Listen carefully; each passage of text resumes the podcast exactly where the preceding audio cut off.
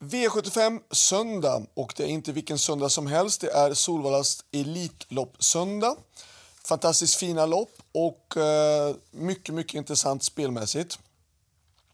Vi börjar med V75 1 som är ett kallblodslopp och nummer 9 Parvelan Retu är en fruktansvärt bra häst.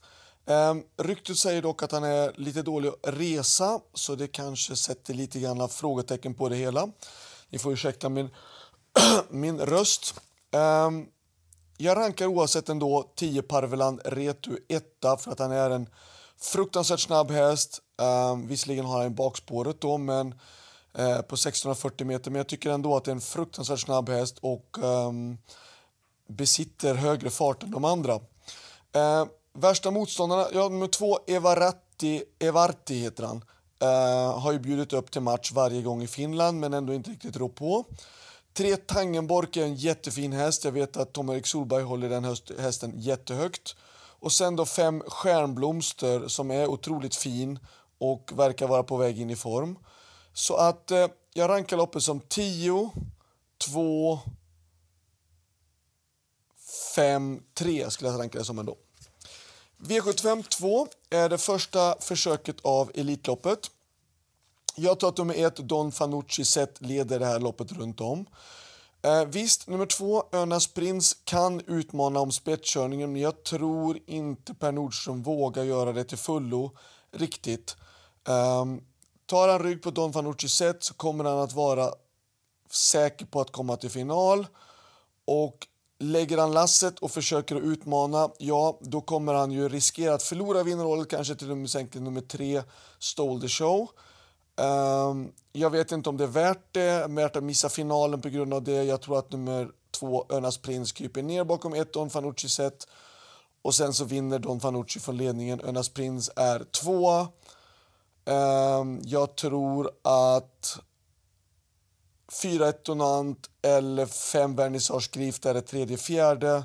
Ska ni leta någon skrällbud då tycker jag att nummer 8 Brother Bill skulle kunna överraska på något sätt och vis. Um, för jag tror att den hästen är på väg verkligen in i form. Han har fått ett par lopp och eh, ja, Magnus Djuse är ju i jätteform också. Skulle vara värt att ta ett, som ett lyxstreck i sådana fall. Eh, nästa V75-lopp, eh, V75 3. Eh, sex Sandmotör känns jättefin och självklart ska han sträckas. Spikbud? Ja, självklart. Alltså, han är ett bra spikbud, eh, men det finns också bra motståndare. Sandmotör såklart, det skulle vara bra att vinna försöket men det är inte världens fara om vi inte vinner försöket. Självklart kommer vi göra allt som går för att försöka vinna försöket. Men han är inte jättestartsnabb Uh, spår 1, 2 är inte ett måste. Alltså, det går lika bra med spår 3, 4, 5. Um, det finns bra motståndare. 4 Hail Mary har visat kanonform.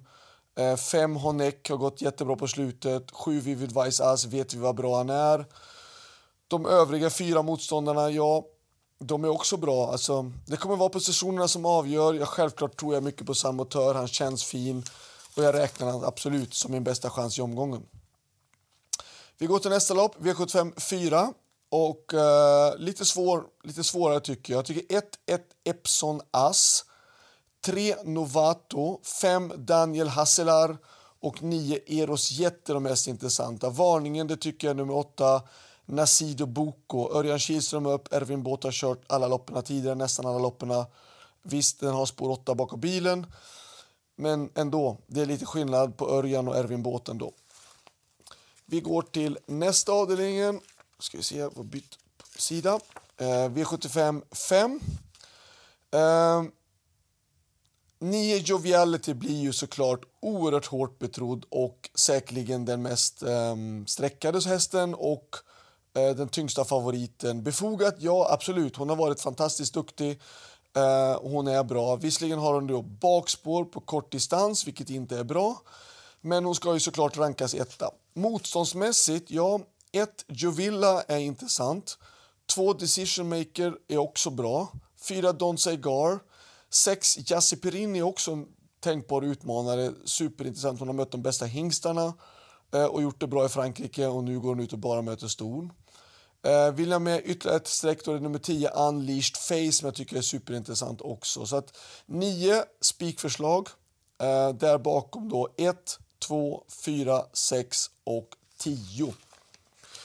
Så, vi går till nästa avdelning. Får vänta sida igen. V75 6. 1 Cash Gio. 5 Jaguar, eh, 4 Jaguar Witt, 5 BS Superhero, 8 Double Deceiver, 9 Denver Geo och 10 Following. Det här loppet krävs en hel del sträck. Jag tycker det här är öppet lopp. Det är för bästa fyraåringarna. Um, ett Geocache jättefin häst, 4 Jaguar Witt, likadant. Eh, uh, BS Superhero var jättebra i Köpenhamn. 8 Double Deceiver pratar Daniel Redén jättegott om. 9 Denver Gio är ju bra och 10 Following är också väldigt bra ju. Så att det där upploppet är jätteöppet. Vi går till V75 7 och det är ju då ett lärlingslopp och svårt. Um, jag tror att nummer ett, Graces Candy, kan leda loppet väldigt länge. Två, Rallinge, tänkbar motståndare. Fyra, Cash Keeper och fem, Invidia. Och även nummer 9, Without a Doubt. Så 1, 2, 4, 5 och 9. Skrällvarning, då säger jag en som är lite bortdömd, eller bortglömd och det är nummer 12, Atomic Face. Eh, det varit ute och get, mött jättetuffa motståndare och eh, skulle det bli lite överpace på det här loppet som det kan bli i lärlingslopp kan vara värt att ta med nummer 12, Atomic Face i sådana fall.